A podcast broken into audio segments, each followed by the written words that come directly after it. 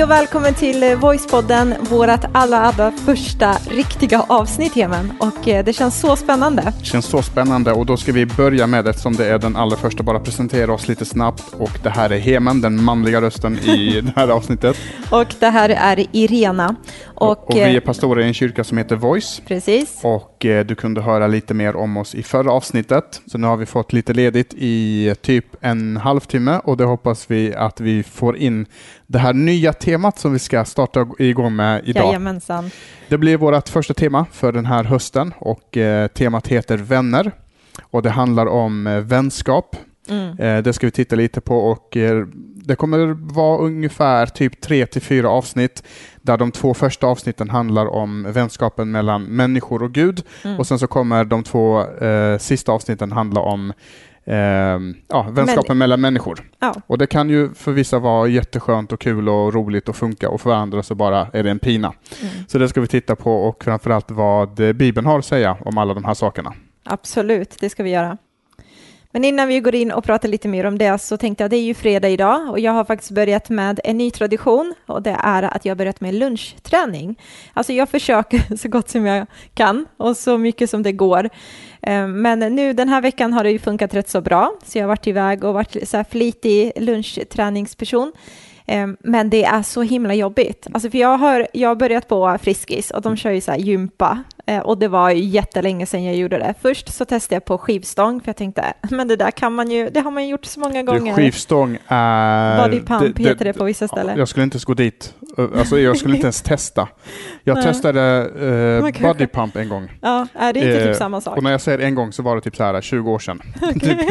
Vi tog vår gymnasieklass och så gick vi på en sån där body pump uh, grej mm. och jag kunde inte röra mina armar på typ en hel vecka. Mm. Alltså det... när jag sov så fick jag en kudde under armen och som höll upp liksom min arm för att det gjorde så himla ont. Då vet du hur jag har det just nu, för jag kan typ inte röra mig. Så att jag gick ju först på det, så att jag liksom körde loss där och tänkte, men det här, det känns ju ingenting liksom. Så jag tar i jättemycket. Det känns ju ingenting när man är där. Nej, och sen typ efter att jag hade lämnat eh, den här träningssalen så efter tio minuterna så bara känner jag hur mina armar börjar typ domna och benen och alltihopa så att jag hade rejäl träningsverk och idag så tänkte jag men jag kör en light version, jag går på gympa, hur svårt ska det vara liksom? Mm. Eh, men det var ju många äldre där, eh, alltså äldre personer än mig och de var så galet starka. Så att, ja, nej men det, det gick bra. man ska inte låta skenet bedra, som nej, det brukar heta. Men skillnaden mellan mig och dig, det är lite grann det här med att att du, jag trivs när att, det är smärta? Nej, utan att du försöker också. i alla fall. Jag försöker. Du försöker ja. i alla fall. Eh, jag, eh, vi prat, pratade vi inte om det typ förra terminen, om att jag skulle börja springa och lite, lite sådana saker? Ja, lite så. Vi ja. har berört din träning och Det jag har där. kommit fram till när det gäller träning, det är att jag tror faktiskt att jag är allergisk oh mot gosh. träning. Ja men det är sant, alltså, för att jag har, får liksom alla de här symptomen som man får vid en jag allergisk reaktion. Alls. Jag blir röd i ansiktet, mm. jag börjar flåsa, hjärtat börjar slå och liksom alla de här symptomen, det är ju precis som sådana symptom man får när man får en alltså, allergisk reaktion. Det är så tragiskt på riktigt. Sluta. Okej, okay. nej men okej, okay, jag är inte allergisk. Nej, Nej. Men, att, men det är den stora skillnaden mellan oss. Ja. Att, och jag tänker så här, jag ska fortsätta göra tappra försök, så ja, får vi se om jag kommer in Man gör så gott man kan. Liksom. Det viktigaste är att man försöker i alla fall, eller hur? Ja. Men nu så ska vi prata, inte om träning och sånt, utan nu ska vi prata om det här ämnet mellan, eh, som handlar om vänner mellan Gud och människan och det ser jag jättemycket fram emot.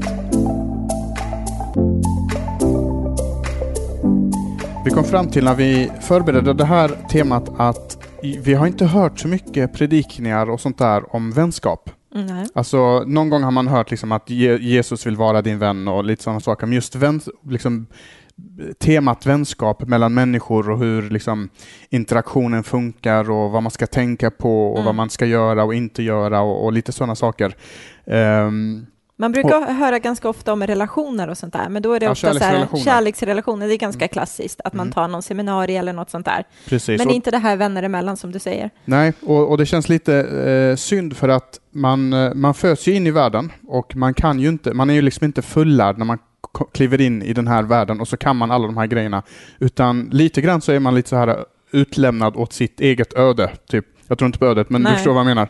Alltså att, att man får själv trampa på alla de här minorna, man får själv göra alla de här misstagen och, och så får man lära sig av det. Mm. Eh, och det tror jag är ett, ett bra sätt att göra det på. Mm. Eh, men man hade ju önskat att det fanns typ någon sån här manual, typ gör så här så, så blir det rätt på något Ja, sätt.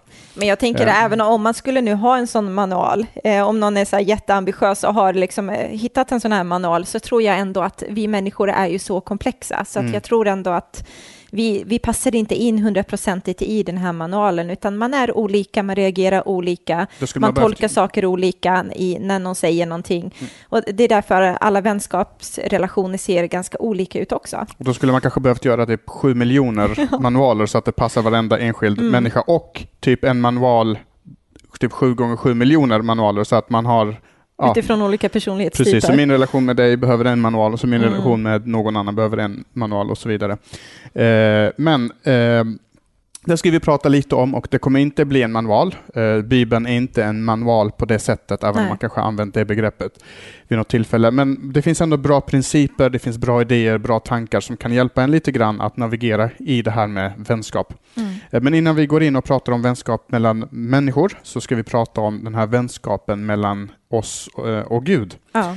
Eh, Och jag vet inte vad du tänker på när du tänker på, på Gud. Jag har grubblat lite över det, just den här gudsbilden som, Mm. som jag har och som många människor har. Vi har ju lite olika gudsbild. Du berättade ju om att Gud för dig var som den här, den här vad heter hon, sjöjungfrun? Sjöjungfrun Ariel tror jag att hon hette. Nu har jag inte sett den på flera, flera år, men eh, ja, hon den här sjöjungfrun som simmar runt där i havet. Och hennes pappa. hennes pappa, han är ju sådär mäktig och muskulös och hade vitt skägg. Eh, och då en när jag var liten, röst liksom. exakt, och när jag var liten så tänkte jag sådär, ja men jag tror att Gud ser typ ut sådär. Eh, jag hade ju ingen jättedjup bild av vem Gud var, men jag hade lite olika bilder av vem Gud var längs med resan. Mm. Alltså i, när man var liten så tänkte man på ett visst sätt och sen när man var tonåring tänkte man eh, på ett annat sätt. Precis. Men jag tror att vi alla har olika förhållningssätt liksom, till Gud, eller vi har många förhållningssätt till Gud rättare sagt. Alltså om man är kristen så tänker man liksom att ja, men jag vet att Gud är min Gud, han är den som har frälst mig, han är den som liksom är med mig alltid, han är min, min herde som vi säger i kyrkan, liksom den som tar hand om dig och så vidare. Men jag tänkte på det här just med ordet vän, att det talas så väldigt lite kanske om det här att vi faktiskt också har en, en relation till Gud som är en vänskaplig relation, att Gud faktiskt vill vara min vän och Och- jag får vara hans vän. Och det tycker jag är ganska så här, wow och ganska mindblowing. Alltså jag vet inte hur du tänker, men, men det- det är ganska stort att Gud vill vara min vän, så tänker jag om mig. Jo men det, det är ju det, och just, just han som vet allting om mig. Mm. Alltså, eh, alltså ofta så, så, så vill man visa det bästa, den bästa sidan av sig själv. Och visst man kan ha några vänner där man verkligen delar väldigt mycket med, men jag har svårt att se att man delar allt med med någon, utan jag tror att Gud är den enda som vet allting om mig. Mm. Eh, och så Gud, liksom han som har skapat hela universum och han som eh, fanns med när allting blev till, att han vill vara min vän. Det är inte den bilden riktigt som, som, som vi får av Gud och det är kanske inte den bilden som rent historiskt alltid har varit det vi har fokuserat på. I Bibeln framkommer det från Gud att han vill liksom det, men det är kanske inte alltid det man har hört eller predikat om och sådär. Och det tycker jag är så stort faktiskt, just den här biten som du nämner nu, att han känner till varenda del i mig. Alltså han ser allt det här som är bra i mig, men han ser också de här bitarna som jag kanske skäms för eller som jag döljer eller som är liksom innerst, innerst inne där i hjärtat som jag liksom ändå har lagt eh, filter på, som jag inte vill att någon annan ska se. Trots att han ser allt det där så väljer han att vara min vän för att han älskar mig så otroligt mycket. Och jag hör att du använder just det ordet trots, Mm. inte på grund av alla de här grejerna, utan trots de grejerna Mm. så, eh, så vill han vara våran vän också. Mm.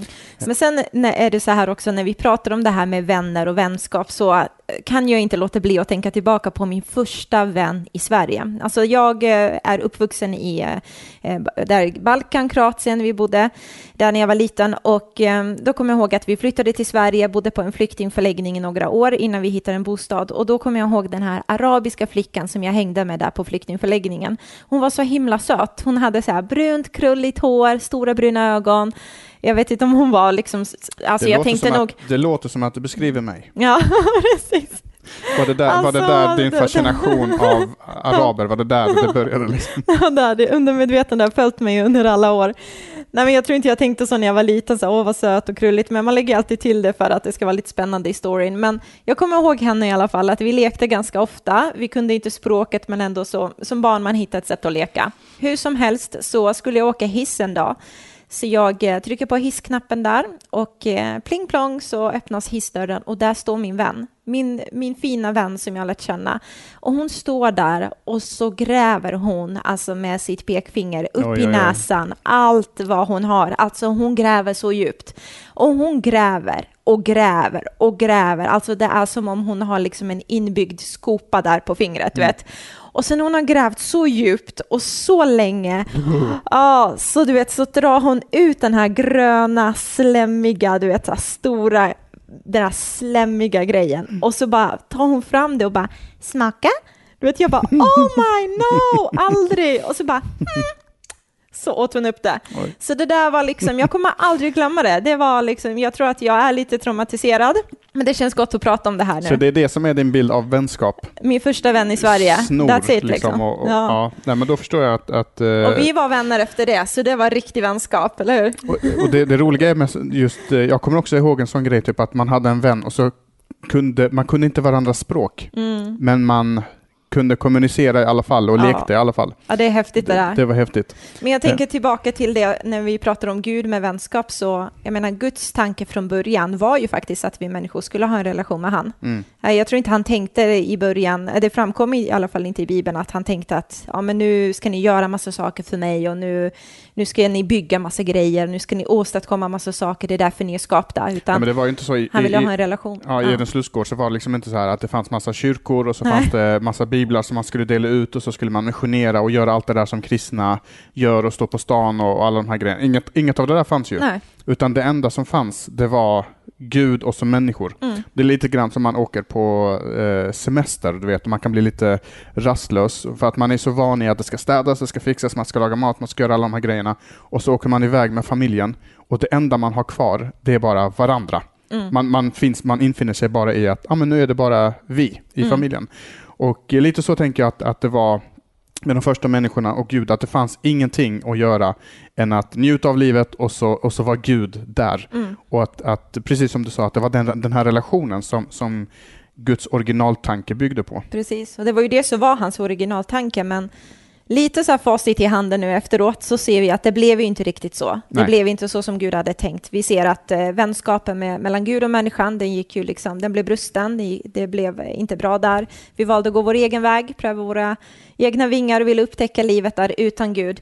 Men det som jag ser i alla fall i, liksom, i den kristna tron och i Bibeln genom allt så ser jag att Gud aldrig någonsin har lämnat oss människor åt vårt eget öde och bara, äh, men ni fixar inte till det så nu får ni liksom sköta det själva. Mm. Utan han kommer alltid med en lösning. Och den här lösningen som han kommer med är ju för att återupprätta den här relationen mellan alltså människan och Gud, mm. så som det var i originaltanken. Och det var därför Jesus kom. För det är ju det som är lite speciellt med vänskap, till skillnad från till exempel eh, en, en familjerelation, till exempel mm. med min eh, bror eller syster eller vem det nu kan vara, eller med en eh, Lite grann med en partner också, men ändå, men framförallt i en, i en familjerelation, det är att, ja. att min bror eller min syster eller min mor eller min far, de kommer alltid vara familj. Mm. Och vi kan eh, tjabbla till det riktigt rejält och liksom säga riktigt elaka saker ibland och göra riktigt dumt ifrån oss.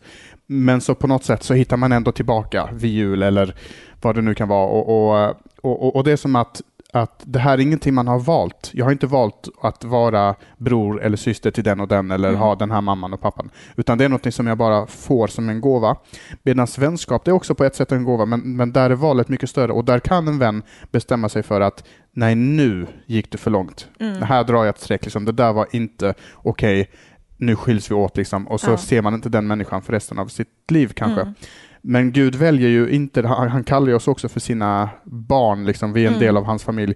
Så, så han väljer ju inte den vägen att han drar ett streck och säger nu har ni gått för långt, nu är det kört på något sätt. Nej, och det kan man ju se, jag tänker, Alltså i Gamla Testamentet, på tal om det här med att man kan du vet, dra ett streck över, ah, men nej, ni fixar inte det här, jag vill inte vara din vän längre, så skulle man kanske tänka sig så här, men Gud vill nog bara ha vänner som är perfekta. Eller du Mm. vet, om du kallar dig för Guds vän och Gud, du kan ha den här vänskapliga relationen mellan dig och Gud så är det för att du har åstadkommit något stort i livet eller för att du är perfekt Då ska det ha kommit någon vart Ja, liksom. men lite så. Men när man tittar i Bibeln så ser man typ tvärt emot att de människorna som kallades Guds vän, alltså i Gamla Testamentet, den första delen i Bibeln, så ser man ju de typerna var ju inte perfekta.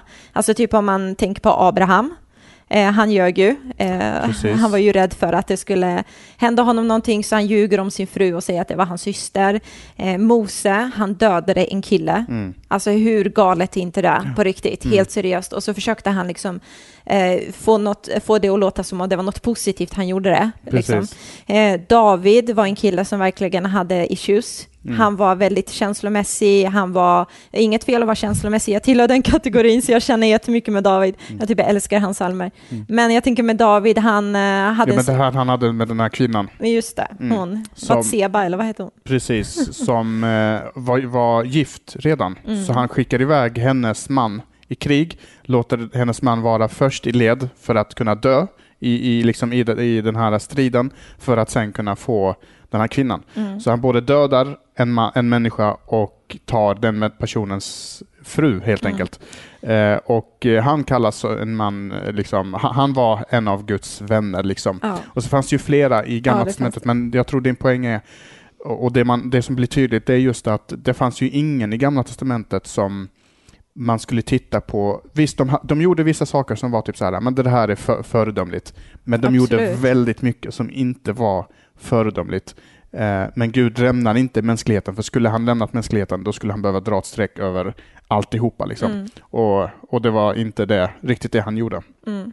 Och jag tänker i, i förr så tror jag att man hade väldigt så här förhållningssätt till Gud, att man den var så baserat på en rädsla mer. Du vet att man var rädd för att Gud skulle döma en eller man hade ett dåligt samvete. Man liksom såg aldrig sig själv som att jag faktiskt kunde vara en vän till Gud, utan det var bara några få utvalda. Oftast var det prästen som var den utvalda som man kanske klassade lite så här, men han kunde vara vän med Gud. Mm.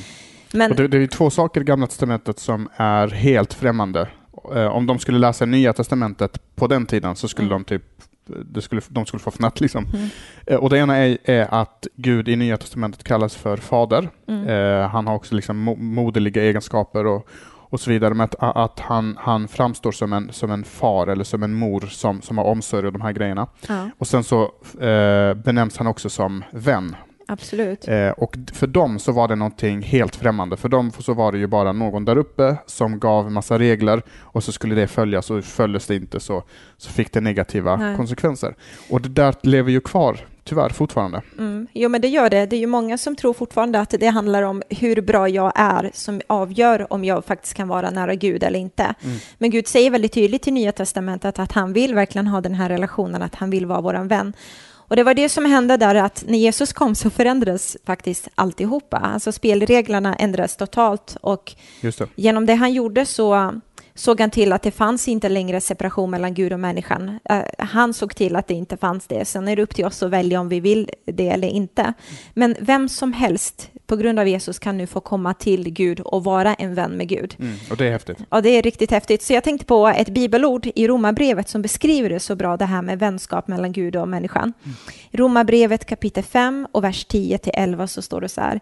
Vi var Guds fiender, men blev försonade med honom genom att hans son tog vårt straff när han dog.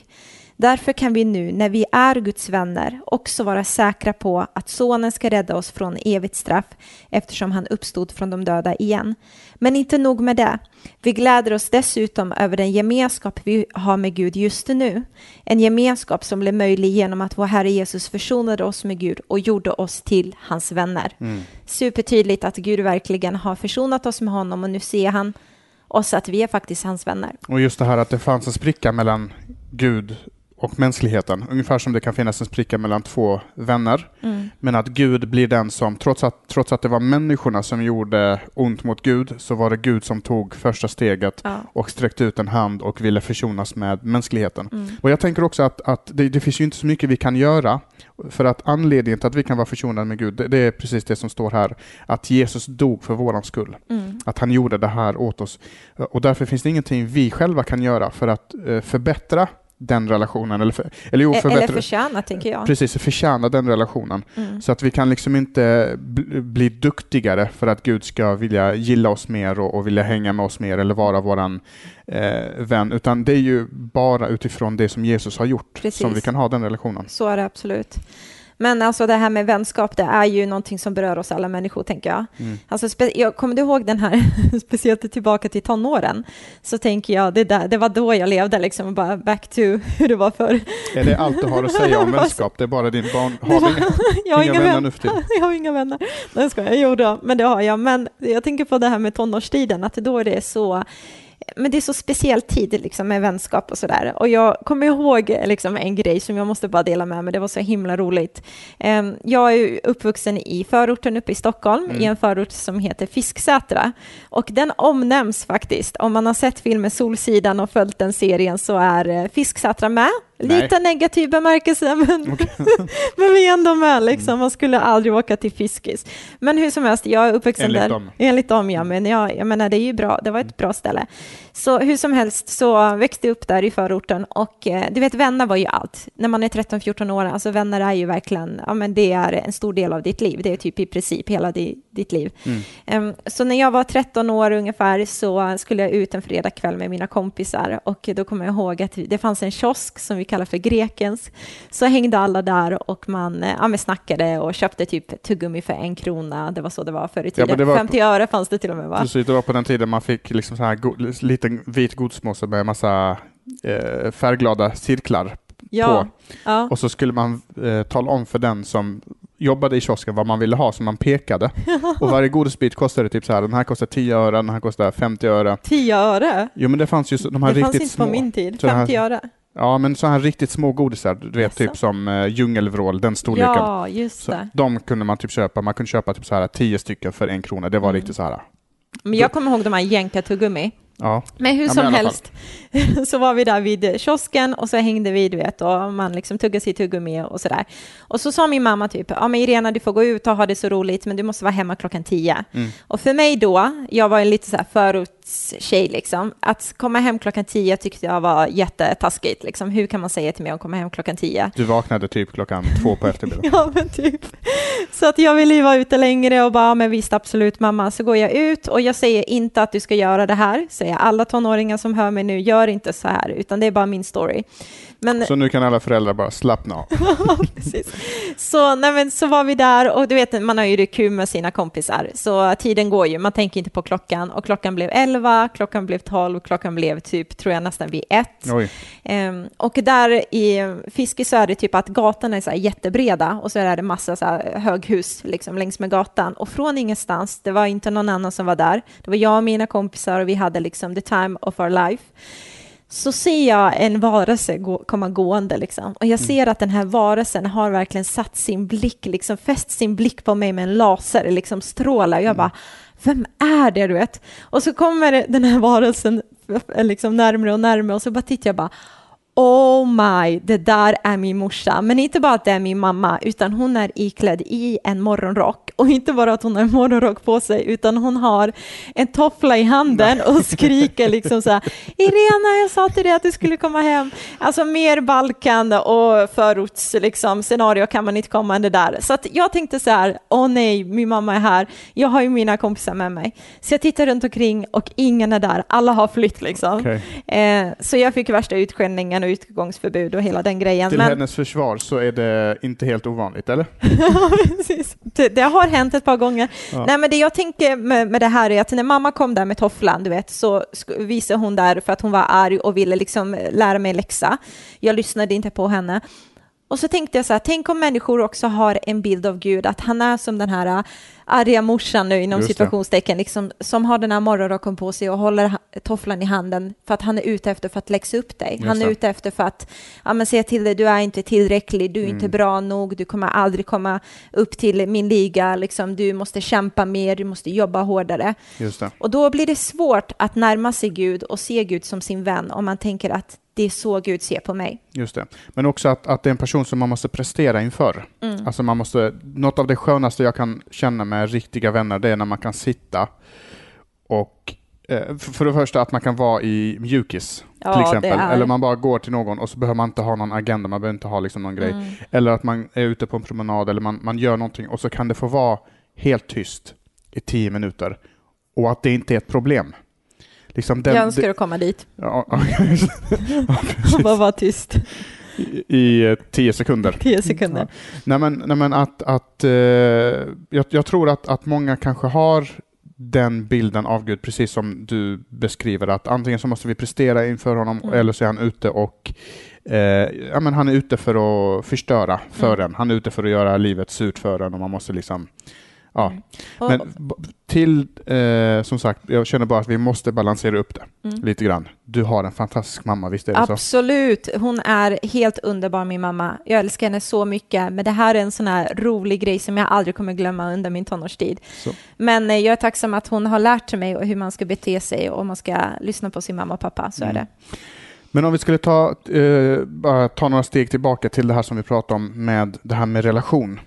Relationen till eh, Gud. Kan man säga att det är, no, det, är liksom, det är det som är det viktigaste för en, en kristen? Mm. Alltså att för en kristen så är, så är inte det viktigaste just att läsa Bibeln, trots att det är bra. Att eh, Det är så vi lär känna gå, Gud. Precis, gå till Mm. kyrkan trots att det är bra. Alla de här grejerna är, är bra, det är där vi lär känna Gud och, och så Mm. vidare. Eh, men han är framförallt intresserad av relationen till honom. Ja. Eh, jag brukar säga det här och jag hoppas att du som lyssnar förstår vad jag menar. Men de första lärjungarna hade ju inte Nya Testamentet Nej. och kunde läsa den så som, så, så som vi gör. Men de var fokuserade på någonting helt annat. De hade umgåtts med Jesus i typ tre och ett halvt år. Och när han försvann så avbröts inte den relationen utan då fortsatte den eh, relationen när Jesus dog och uppstod sen. Mm.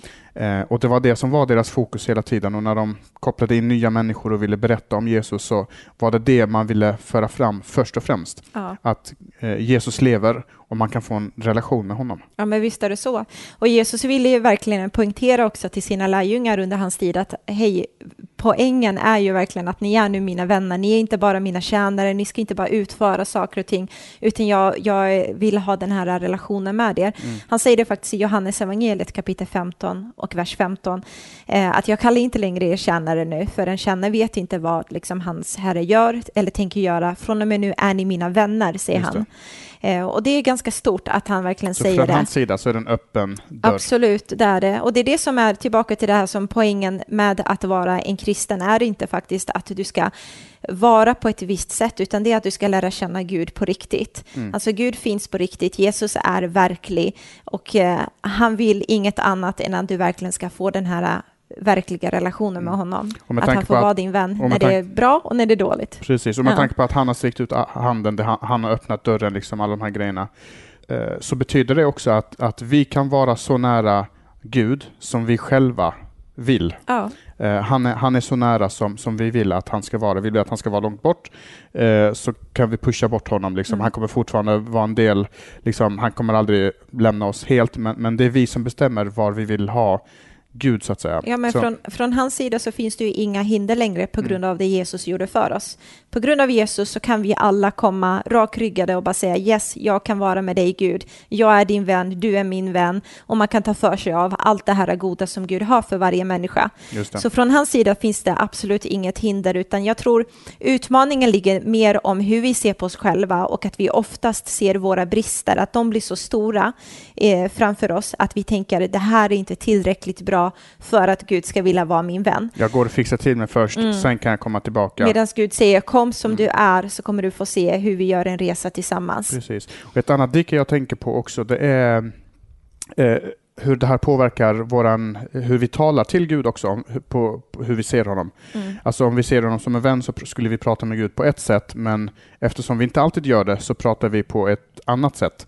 Eh, och där finns också lite så här olika stilar och olika diken och, och sådär. Men ett, ett, liksom en, en grej det är det här med att om Gud är den här liksom stora makten som man ska underordna sig och underkasta sig, då kommer man in i någon slags eh, fromhet. Liksom. Eh, du vet, så här, eh, det ska vara en, en, en darrande röst och det ska vara fromt och det ska Ja. vara de rätta orden och stora ord gärna. Och bibel, Svåra ord. svåra ord och man ska blanda in bibeltexter och, och så här. Eller så är det liksom en, en, något annat sätt att, att man pratar fort och hektiskt. Det blir liksom så här en andlig strid, ja. men den striden är inte mot andevärlden utan mot Gud själv kan det nästan ja. låta. Medan om vi ser Gud som våran vän så pratar man med honom precis som man pratar med en vän. Mm. Alltså precis som jag sitter och pratar med dig nu. Hej Gud, idag har dagen varit så här. Eh, och skulle man göra det på det sättet så blir ju bön, får bön en helt annan innebörd. Absolut. kommer ju säkert göra ett, ett tema kring det här med bön det borde vi framöver. Mm. Men bara slänga in där att eh, det största tipset man kan ge det är bara se Gud som, som en vän mm. som sitter där och pratar som om han, som om det är en vän och inte som om det är chefen på jobbet eller mm. presidenten eller, eller något sånt där. Mm. Ja, men det tycker jag är jättebra, för att det, det blir mer enkelt och det tar bort den här prestigen och det tar bort prestationen. Alltså utan man får bara vara sig själv och det är det Gud vill. Han vill att du ska vara den som du är skapad till att vara och han vill höra ditt hjärta, inte bara massa fina inlärda ord utan han vill bara att du ska prata med honom utifrån ditt hjärta. Han vet vad som finns i ditt hjärta och han älskar dig och vill möta dig. Då har vi inlett det här temat som handlar om eh, vänskap och som vanligt när vi inleder temat så blir det lite att man skrapar lite på ytan och sådär. Vi kommer fördjupa oss lite grann, eh, prata om känslor och prata om lite olika saker kring vänskap, kring vänskapen med Gud, fördjupa oss där, hur, hur det kan funka. Mm. Eh, och vi kommer hålla på med det här temat i några veckor här framöver. Eh, och så håll utkik efter det och följ det redan nu från början. Och känner du någon som du tror verkligen skulle behöva höra det här, vare sig man är, har varit troende hela livet eller eh, precis kommit till tro eller inte troende alls och bara behöver höra att men Gud är en vän, han är inte någon, eh, någon flummig grej liksom där ute i cyberrymden. Eh, så dela gärna med dig av den här podden till de personerna. Gör det jättegärna. Och sen även också så vill jag säga tack för er som lyssnade förra avsnittet om att ni gav recension. Vi har fått in en recension som, där det är en tjej som eller en person är det. Jag vet inte vad, vad könet är faktiskt. Okay, det, det framkommer inget namn här. Men hur som helst så står det så här, eh, Bibelpodden har gett mig svar på många av livets frågor och så fem stjärnor på det.